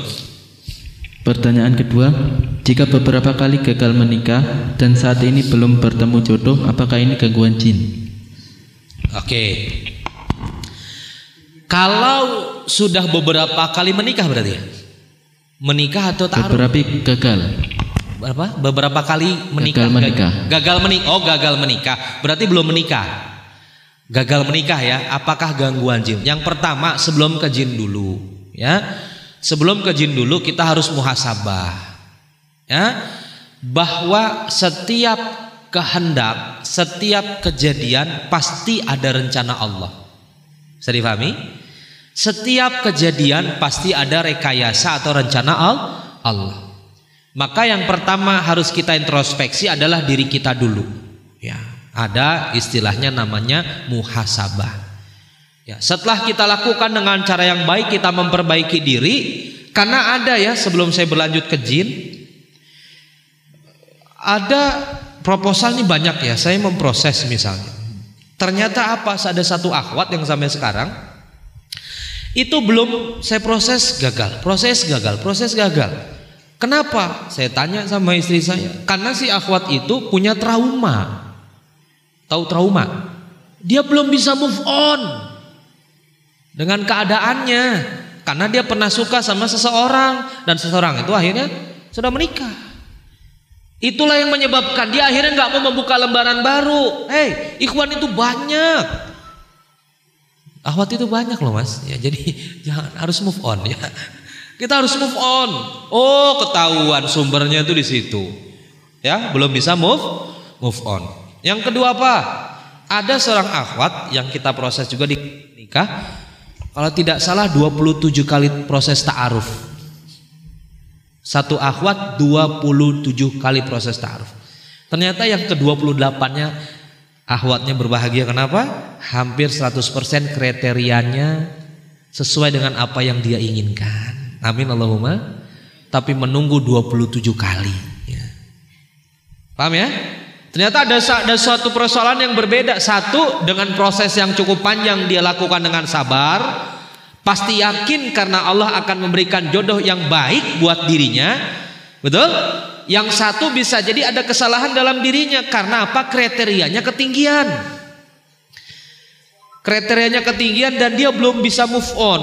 Karena apa? Ada sesuatu ya bagian sisi dirinya yang dulu pernah mengalami proses yang akhirnya dia belum bisa move on. Nah, itu di di apa? diinvestigasi dulu, ditanyain dulu Ya biasa di klinik nikah ada konseling sama akhwat kalau ustazah ya ikhwan dengan saya gitu ya. Uh, kita diskusi ada yang salah apa, ada yang gimana atau ada sesuatu yang belum pas. Kalau sudah tahu, oh barulah langkah ke jin. Ya bisa jadi apa? Ya bisa jadi bisa ada sesuatu yang menempel di dalam dirinya. Ya, lalu apa yang kita lakukan? Ustadz, apa harus arus rukyah? Sebenarnya nggak harus rukyah juga bisa. Gimana caranya Ustadz? Ya, Ustadz Hanan Ataki lihat di YouTube. Zikir pagi. Zikir petang. Ya. Ustadz siapa lagi di YouTube? Ustadz-ustadz yang nasional tuh ada zikir pagi, zikir petang. Kenapa zikir pagi, zikir petang? Zikir pagi pada saat memulai aktivitas kita, betul ya? Dan zikir petang pada saat kita selesai memulai atau selesai melakukan aktivitas kita di hari itu karena kita sedang berproses untuk beristirahat. Apa? Di situ kan ada apa? Ada Anas, Al-Ikhlas, ya, ada Al-Falaq, ada ayat kursi. Akhirnya apa? Membersihkan diri kita. Makanya banyak zikir, banyak baca Quran. Insya Allah Allah akan berikan kemu kemudahan ya. Karena kalau saya lihat sih bukan hanya pengaruhnya kepada jin aja sih. Sebelumnya harus ada yang saya tanyakan dulu. Ya, karena bisa jadi di dalam hatinya kalau ada ada akhwat ngelihat proposal lalu dia langsung kata kayaknya nggak cocok deh padahal belum dilihat ada yang kayak gitu berarti ini ada yang salah nih setiap saya kajian ada ikhwan di sini kalau duduk di tengah dia gini aja Mukanya tuh muka-muka melas. Berapa kali saya Satu saat dia nanya, Ustadz, ya, gimana ya Ustadz caranya? Ini kok nanya tapi sampai saya belum bisa move on Ustadz. Saya sudah janji sama si akhwat untuk menghitbah Ustadz. Tapi karena terbentur saya harus ujian dan ini itulah gitulah karena mengikuti orang tua Ternyata pada saat saya mau khidbah ngasih tahu kapan saya datang, ternyata dia sudah dikhidbah lebih dulu. Rasanya tuh sakitnya Ustaz di sini. Setiap kajian berikutnya saya nasihatin besok datang lagi. Kajian di sana ada takwa, ada an-nur ya, eh, ada fulkon mestinya banyak di Semarang kajian. Lalu apa? Masih begitu juga saya katakan, Mas, jangan kita terbuai dengan ketentuan Allah yang sudah seharusnya kamu lakukan. Kalau kamu begini terus berarti tidak terima dengan ketentuan Allah. Allah harusnya apa? Kamu harus lebih semangat dan mendoakan seakhwat itu supaya keluarganya menjadi keluarga sakinah mawaddah warahmah dan engkau berdoa ya Allah semoga aku diberikan akhwat yang lebih baik daripada dia. Betul tidak? Menurut penelitian di akhir zaman saja, ya ini kan sudah menjelang akhir zaman, akhwat dan ikhwan 50 banding 1 5 akhwat, satu ih, ikhwan. Ya, kalau terakhir-terakhir kemarin saya baru dengar sudah 5 sampai 6 banding 1. Bayangin, berarti ada 6 akhwat, satu ikhwan perbandingannya. Bisa difahami? Ya. Berarti apa peluang ikhwan itu besar. Dan akhwat juga besar. Untuk apa? Untuk menyegerakan. Amin Allahumma amin. Gitu ya, akhirnya jelas ya. Jadi banyak istikharah ya. Monggo lanjut. Pertanyaan ketiga, bagaimana cara menghilangkan rasa takut atau khawatir untuk menikah seperti takut menghadapi mertua dan takut tidak subur? Takut tidak Tahu tahu menghadapi mertua takut tidak subur. Nah ini cara menghadapinya apa? Di sini dulu Ta'aruf ini harus ada langkahnya. Satu, kita harus tahu ta'aruf itu dengan apa. Ya maaf, ini cara kita ya. Mungkin ada cara yang ta'aruf dengan tidak langsung ataupun langsung. Kalau ta'aruf kami, ada ta'aruf pertukaran CV atau kurikulum vitae singkat. Ya, pada saat CV itu ditukar, saya baca, e, istri saya baca, gimana Bi? Kayaknya cocok nih, insya Allah yuk kita proses-proses. Lalu kita serahkan biodata itu yang ikhwat ke ikhwan, ikhwan ke akhwat. Dipelajari, kita kasih waktu tiga hari. Ayo istikharah mantepin, jangan lama-lama. Setelah mantep, oke okay, gimana akhi? Siap Ustadz, samina watona. Oke, okay. istri saya nelfon akhwat, siap. Oke, okay, kita nazar. Ketemu langsung nggak usah lama-lama.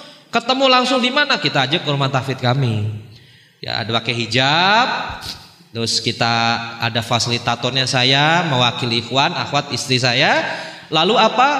mengklarifikasi isi dari proposal itu. Ya, maksudnya apa? Jangan sampai ada dusta di antara kita. Jadi proposal tuh maksudnya kurikulum vitae itu harus sesuai apa yang ditulis, apa yang dilakukan. Jadi nggak boleh bohong-bohong. Kamu hafal juz 30 hafal Ustaz. Oke, coba baca. Bismillahirrahmanirrahim. Qul huwallahu ahad. Oh bagus, apalagi kul al-ikhlas terus. Saya tanya, kenapa kamu al-ikhlas aja? Ustaz, kalau kita baca surat al-ikhlas itu sudah menggambarkan seluruh isi Al-Qur'an. Ya. bilang aja hafalnya juz 30 eh juz, eh, 30 eh, juz 30 betul ya. Jangan bilang 30 juz. Ya, juz amma bilangnya. Dia bilang al-ikhlas itu menggambarkan seluruh dari isi Al-Qur'an. Ya ini jangan sampai demikian ya. Terus apalagi setelah sepakat nazar, ada ketemuan. Ya, setelah ketemuan belum selesai ketemuan dengan kami, setiap akhir dari pertemuan itu, akhir dari halakoh ataupun sesi taruf itu kita tanyain sesi akhir, sesi kesimpulan. Gimana Dimas? Lanjut, lanjut. Gimana Nur? Lanjut, lanjut. Lalu apa? Ada silaturahim ke rumah. Si ikhwannya ke rumah akhwat. Nah ini tadi menjawab yang tadi. Si akhwat ke rumah ikhwan. Ini masih proses ini loh ya, taruf ya Akhwat ke rumah ikhwan, jangan ada ikhwannya. Ikhwannya ke mana ke? Pokoknya jangan ada di rumah. Akhwatnya status sebagai apa? Sebagai teman di situ. Boleh kalau sendiri berani monggo, kalau bawa teman silahkan. Untuk apa? Untuk ma'rifatul medan. Ngelihat suasana lingkungan keadaan di dalam rumah ikhwannya. Kalau kita nggak tahu kejadian kayak kemarin yang saya katakan yang seorang akhwat gagal nikah, ikhwannya datang langsung nggak proses bagus, orang tuanya nggak tahu, tahu-tahu masalah di masalah uang untuk apa nih? Bukan apa istilahnya, uang nikah gitu ya. Ikhwan ngasih gitu ya, uang untuk acara di tempat akhwat. Ternyata ada miss, gak jadi gara-gara uang itu doang. Apa yang terjadi ini dia harus ada keluarga maksudnya apa? Si ikhwannya ke rumah akhwat jangan ada akhwatnya. Akhwat ke rumah ikhwan jangan ada ikhwannya. Untuk apa? Ngelihat. Dan saya pun melakukan itu. Untuk apa ngelihat? Oh masya Allah. Pas saya datang orang tuanya lagi sholawatan. Tuh, nilai plus. Makin mantap gak mantap ya Allah masya Allah ayahnya lagi baca Quran sore-sore lagi zikir petang. Eh makin mantap betul? Wih rumahnya ada kaligrafi apa gitu. Mantap lalu ada yang juga ikhwan akhwat yang ngomongnya nggak bagus juga ada ke kami. Ustadz orang tuanya begini. Ada. Yang kami akhirnya hampirin ke rumahnya di Ungaran misalnya ke rumahnya kita samperin. Ternyata beda dengan prediksi apa yang dikatakan ikhwannya. Ya, orang tuanya setuju. Ternyata sampai sana kita malah diomelin. Orang tuanya belum setuju dia untuk nikah. Biar selesai kuliah kita malah diceramahin. Oh berarti ini ada yang miss. Si ikhwannya belum mengkondisikan orang tuh tuanya. Hanya sepihak pengen nikah aja tetapi belum bisa mengkondisikan dalam rumahnya. Itu kita jadi tahu. Ya, alhamdulillah masih proses ta'aruf. Coba kalau tiba-tiba datang hitbah, wah resiko, mempermalukan, betul ya? Baik nama keluarga dia maupun keluarga akhwatnya. Terus apa lagi? Baru hitbah. Ya, hitbah itu jadi tahu sudah sempurna, informasi yang kita dapat sudah mantap, itu baru maksimal. Ustadz, lalu gimana deg-degan dengan mertua? Ada jawabannya. Kalau masalah kesehatan, di ta'aruf dijelaskan. Makanya di sini ya. Nah, memantaskan diri ada rumusnya lima. Satu kita harus tahu persiapan rukyah. Rukyah itu persiapan spiritual yang mantap. Sholat kita baik ya, zikir kita ya, al-masurotnya atau zikir pagi, zikir petang, sedekah kita ya, terlebih puasa sunnah ya, puasa sunnah kita juga bagus ya. Terus apalagi amalan-amalan yaumiyah kita juga mantap. Ini harus persiapan karena nikah itu ya wa may yattaqillaha yaj'alahu makhraja wa yarzuqu min haitsu la yahtasib ya. Lalu apa lagi? Ya nih ya. Ya ayyuhalladzina amanu taqullaha wal tanzur nafsum ma qaddamat lighat wa taqullaha innallaha khabirum bima ta'malun Ya, jadi apa yang kita lakukan nantinya akan dipertanggungjawabkan uh, di, oleh Allah di akhirat kelak ya. Lalu yang kedua persiapan ilmiah. Ah, persiapan ilmiah. Kita harus tahu ilmunya. Ya, ini harus kita persiapkan nih, Mbak ya, nanya tadi ya. Ruhiyahnya bagus, ilmunya bagus. Ilmunya apa? Udah mulai dari sekarang kalau niat nikah, buka buku. Buku tentang apa? Sifat-sifat istri solehah ungu-ungu pernikahan. Barakallahu laka Ustadz Salim Afilah. Banyak buku-buku referensi yang memang untuk menguatkan kita. Jadi jangan cuma mau nikah doang tapi kita nggak ada suplemen uh, apa? Kan kita dikasih modal al jasad, al ruh, al akal. Aruh kita makanannya ruhyah ibadah. Al jasad makanannya empat sehat lima sempurna. Al akal makanannya il ilmu. Maka kalau kita melakukan tanpa ilmu garing, ngomongnya nggak berbobot. Persiapan, nah ini jasa dia. Jadi kalau masalah keturunan, ya masalah kesuburan, ya dari sekarang. Maaf, ada proses ta'aruf yang sampai melampirkan bukti HIV/AIDS. Saya ulangi, Ya, itu hak masing-masing kalau saya kembalikan ke ikhwan akhwat sampai ada seorang ikhwan dan akhwat yang kalau mau dilanjut harus ada tes negatif HIV AIDS. Coba tuh sampai begitu. Terlebih lagi masalah kesuburan ya. Makanya yang nah nanti sama tim time to move kita sudah bicara tentang materi uh, sekolah pranikah ada tuh nanti materinya tentang apa? Tentang kesehatan pranikah. Materinya nanti dua, yang ikhwan dokter itu, yang akhwat dokter akhwat. Bahas tentang apa? Kesehatan wanita. Bahas tentang apa? Kesehatan pria. Masing-masing nanti silahkan. Tentang kesuburankah, tentang kewatitaankah, ya, tentang segala macam ditanyakan. Ya, karena apa? Benar. Ini bagian pertanyaan bagus banget, Mbak. Pertanyaan tentang masa depan. Orang suami istri setelah menikah yang diharapkan apa coba? Punya ketu keturunan yang soleh leha karena akan meneruskan amalan-amalan dan apa kebaikan-kebaikan dari orang tuanya.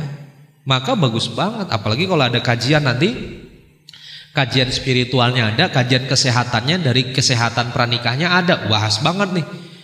Maksudnya daging banget nanti tahu bagaimana ciri-ciri kamu harus sehat yang perempuan, ya. Karena nih maaf ya perempuan itu resiko miom ya saya kasih tahu ya resiko miom ya atau uh, mesikomiom ataupun yang bagian dari rahim itu resikonya besar ya.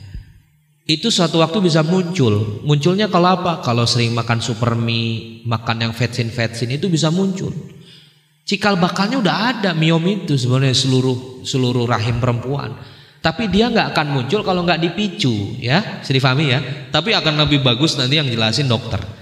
Jadi hal-hal itu penting, bagus mbak. E, nanya tentang itu nih juga buat tim time to move. Kalau ada kajian yang berikutnya juga ada tentang kesehatan bagus, ya.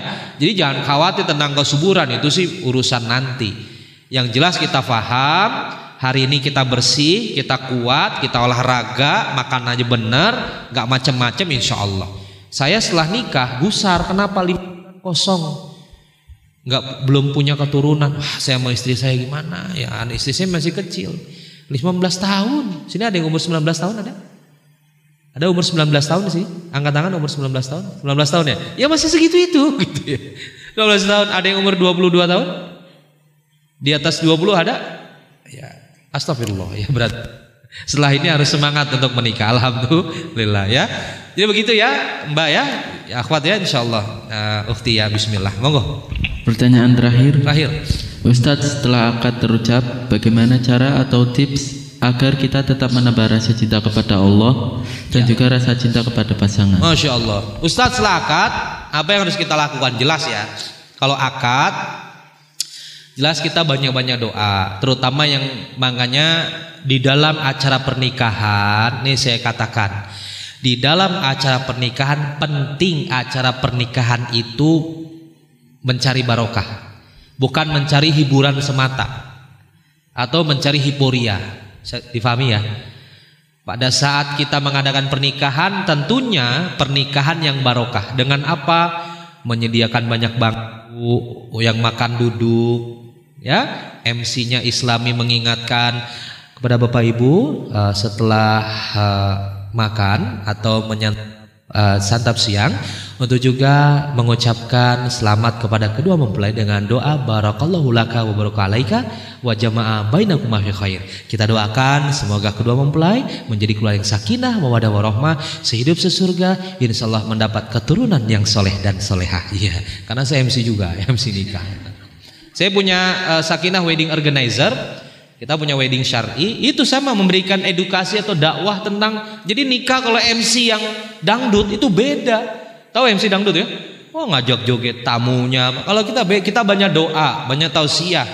Makanya kita menghimbau tamu karena tamu itu kan barokah, doanya luar biasa. Kita ingatkan setiap ke mempelai itu barakallahu laka wa baraka alaika wa jama'a bainakum fi khair.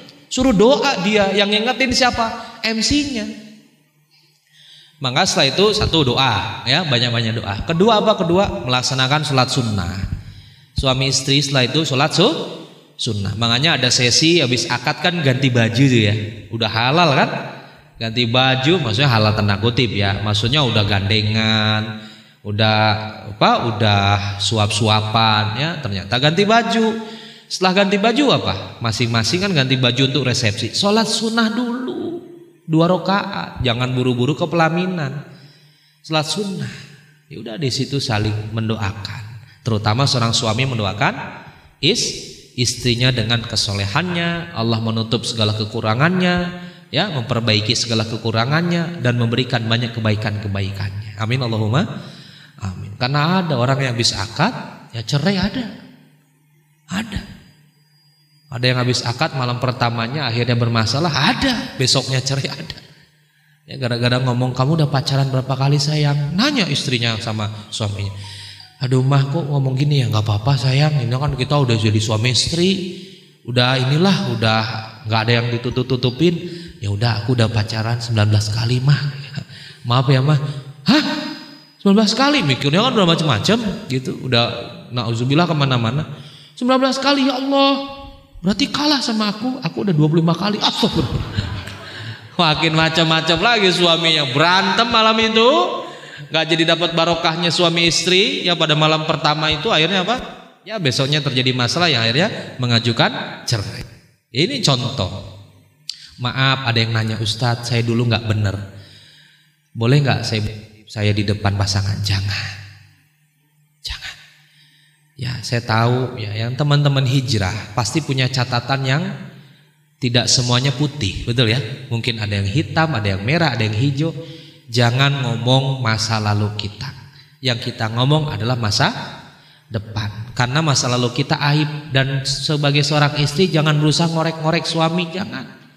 Kadang ada istri yang kepo, ngorek-ngorek terus papa udah ngapain aja, nggak usah. Kalau kita dijawab jujur, siap nggak dengan jawaban jujur itu, betul nggak?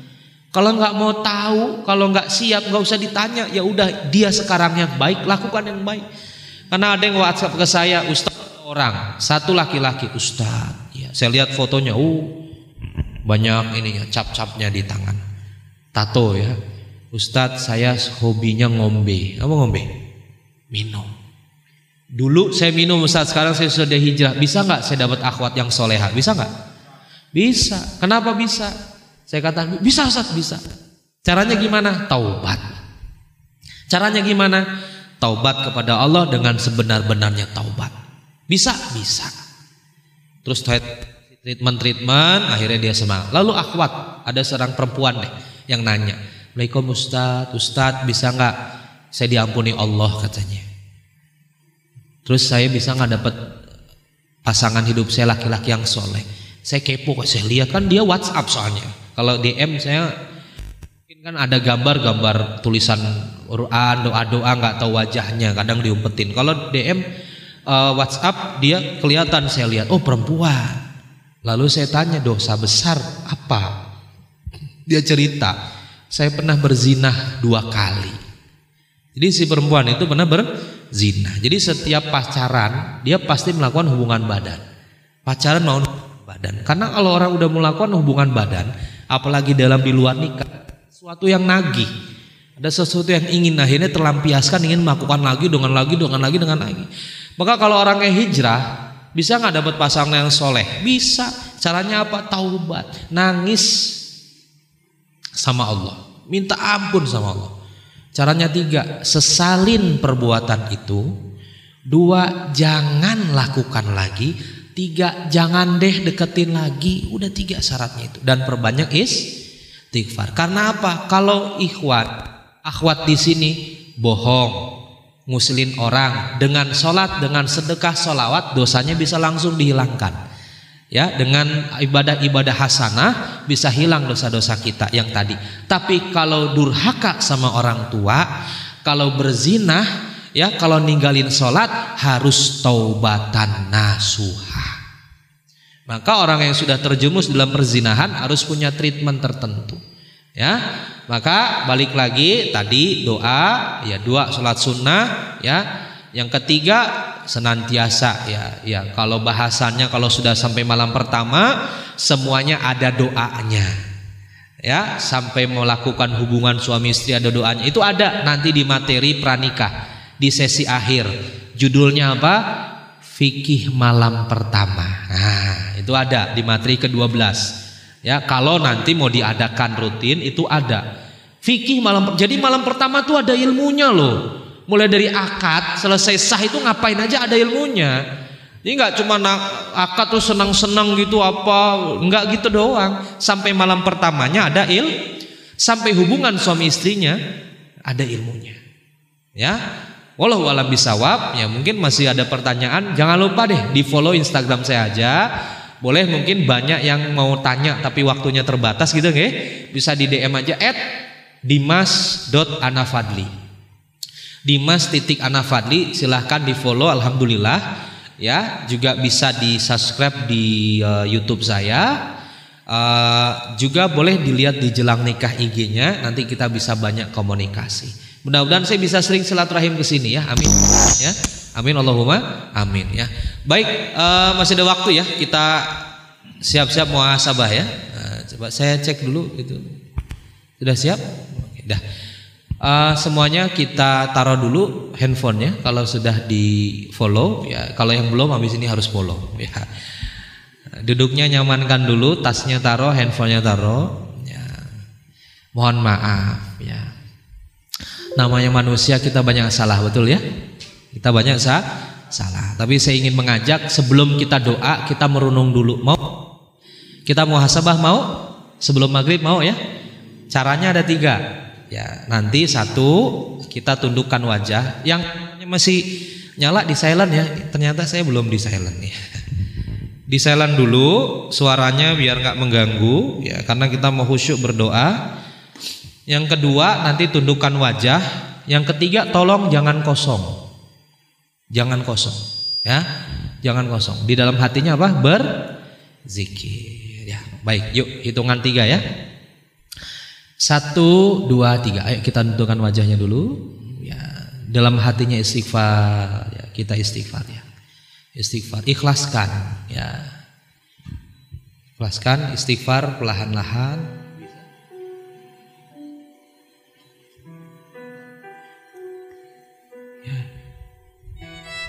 Kita istighfar. Astagfirullahaladzim.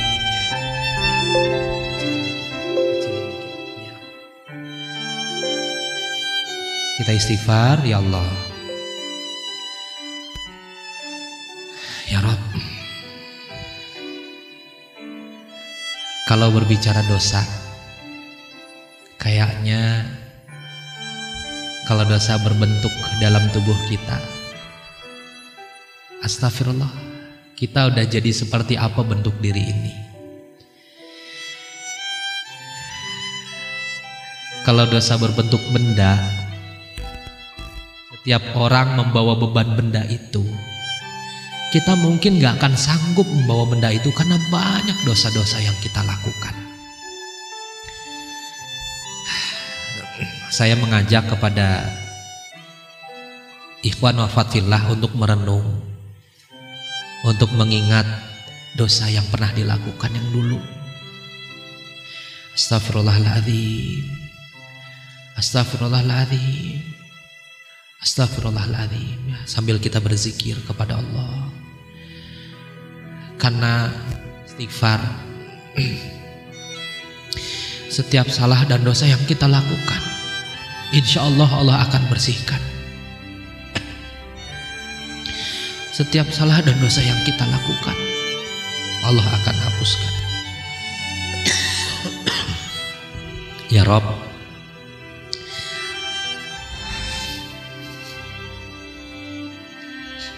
Banyak aku lalai kepadamu ya Rob. Banyak aku lalai terhadap perintah-perintahmu ya Rob. Kadang aku tinggalkan perintah-perintahmu.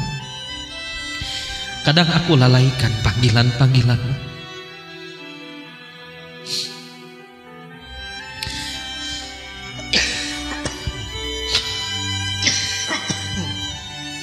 Dan aku merasa tidak bersalah. Merasa tidak memiliki kesalahan yang aku harus sesali ya Rob. Ya Rob aku nggak tahu kapan kau akan mengambil nyawaku ya Rob kapan kau akan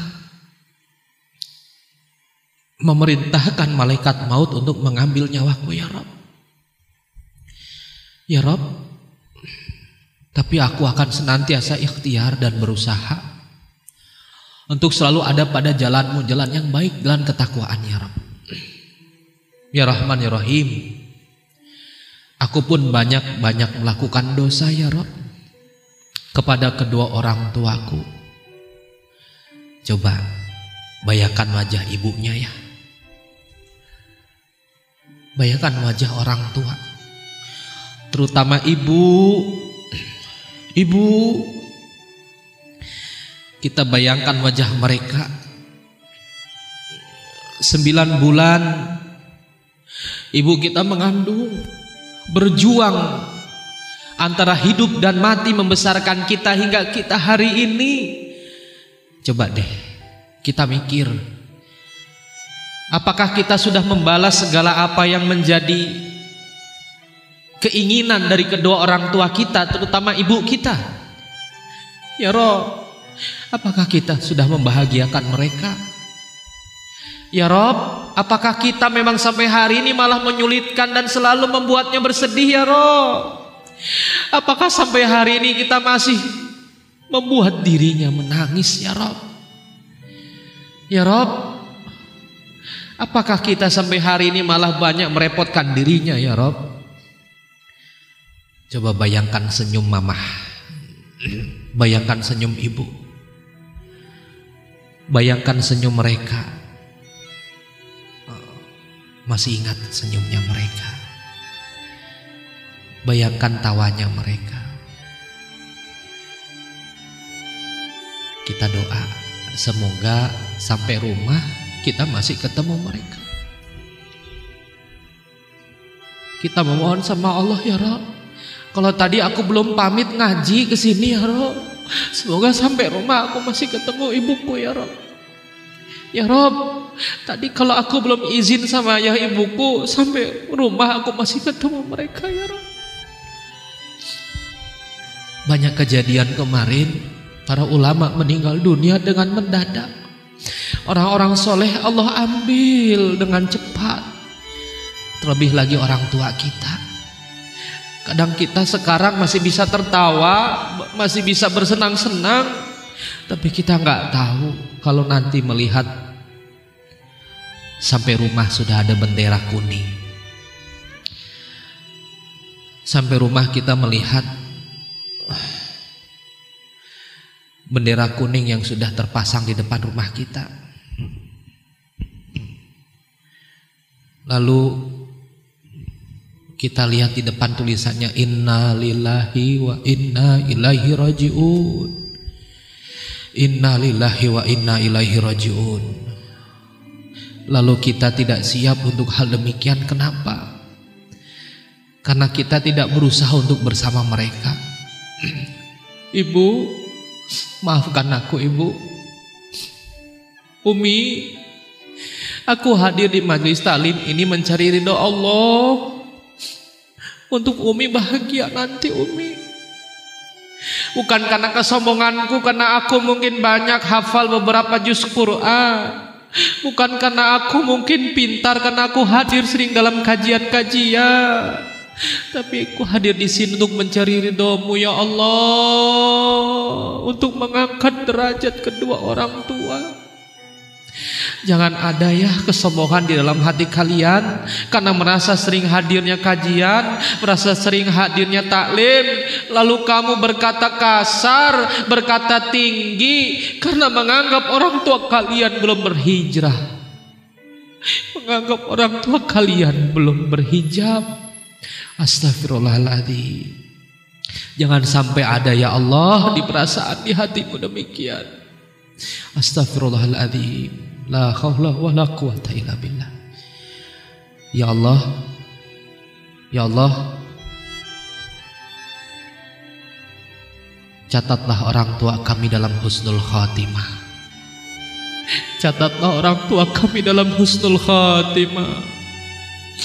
Catatlah orang tua kami dalam husnul khatimah. Karena hanya doa anak yang soleh yang bisa menolong dirinya.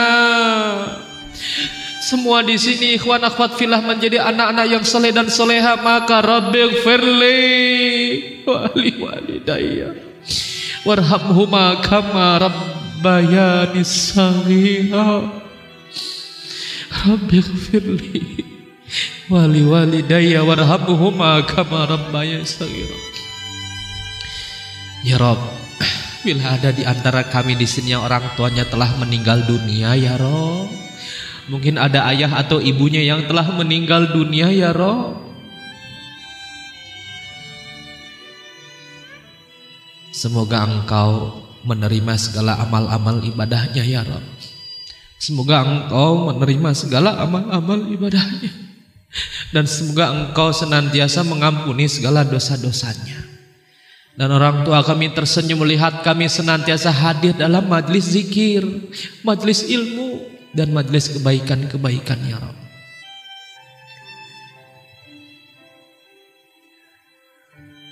Bayangkan sekarang kita keluar dari tubuh kita.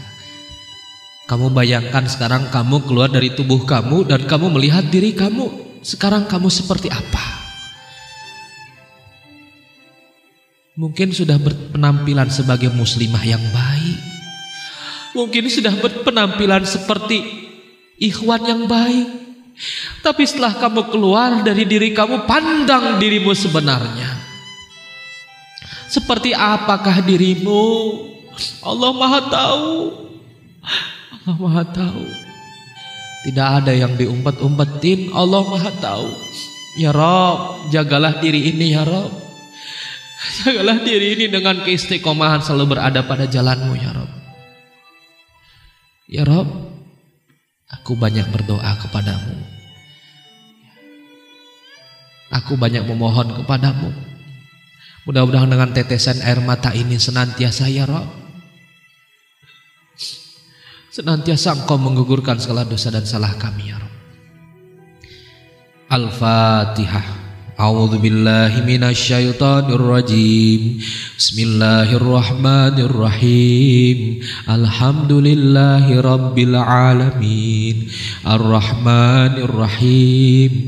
مالك يوم الدين إياك نعبد وإياك نستعين اهدنا الصراط المستقيم صراط الذين أنعمت عليهم غير المغضوب عليهم ولا الضالين آمين Yuk kita angkat kedua tangan kita ya kita berdoa ya Bismillahirrahmanirrahim Astagfirullahaladzim Astagfirullahaladzim Astagfirullahaladzim Alhamdulillahi Rabbil Alamin Allahumma salli ala Sayyidina Muhammad Wa ala ali Sayyidina Muhammad Qulillahumma malikal mulki tu'til mulka mang tasha Wa tanzul kami mang tasha Wa tu'izzu mang tasha Wa tu'adhillu mang tasha Bihadikal khair Innaka ala kulli syai'in qadir tulijul laila fin nahari wa tulijul nahar fil lail wa tukhrijul hayya minal maiti wa tukhrijul maita minal hayy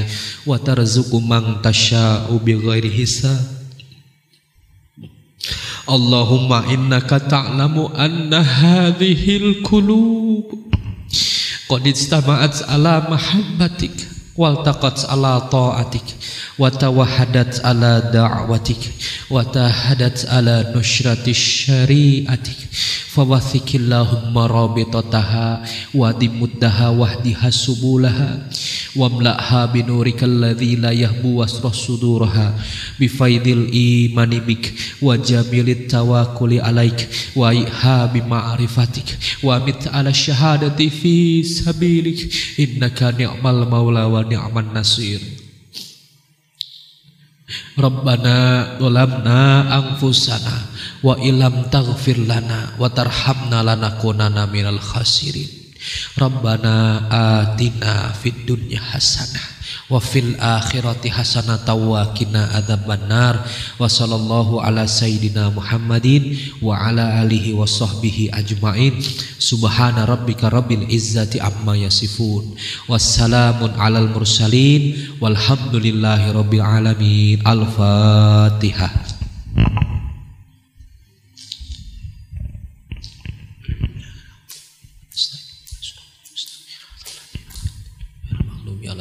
waladhdallin. Amin ya rabbal alamin.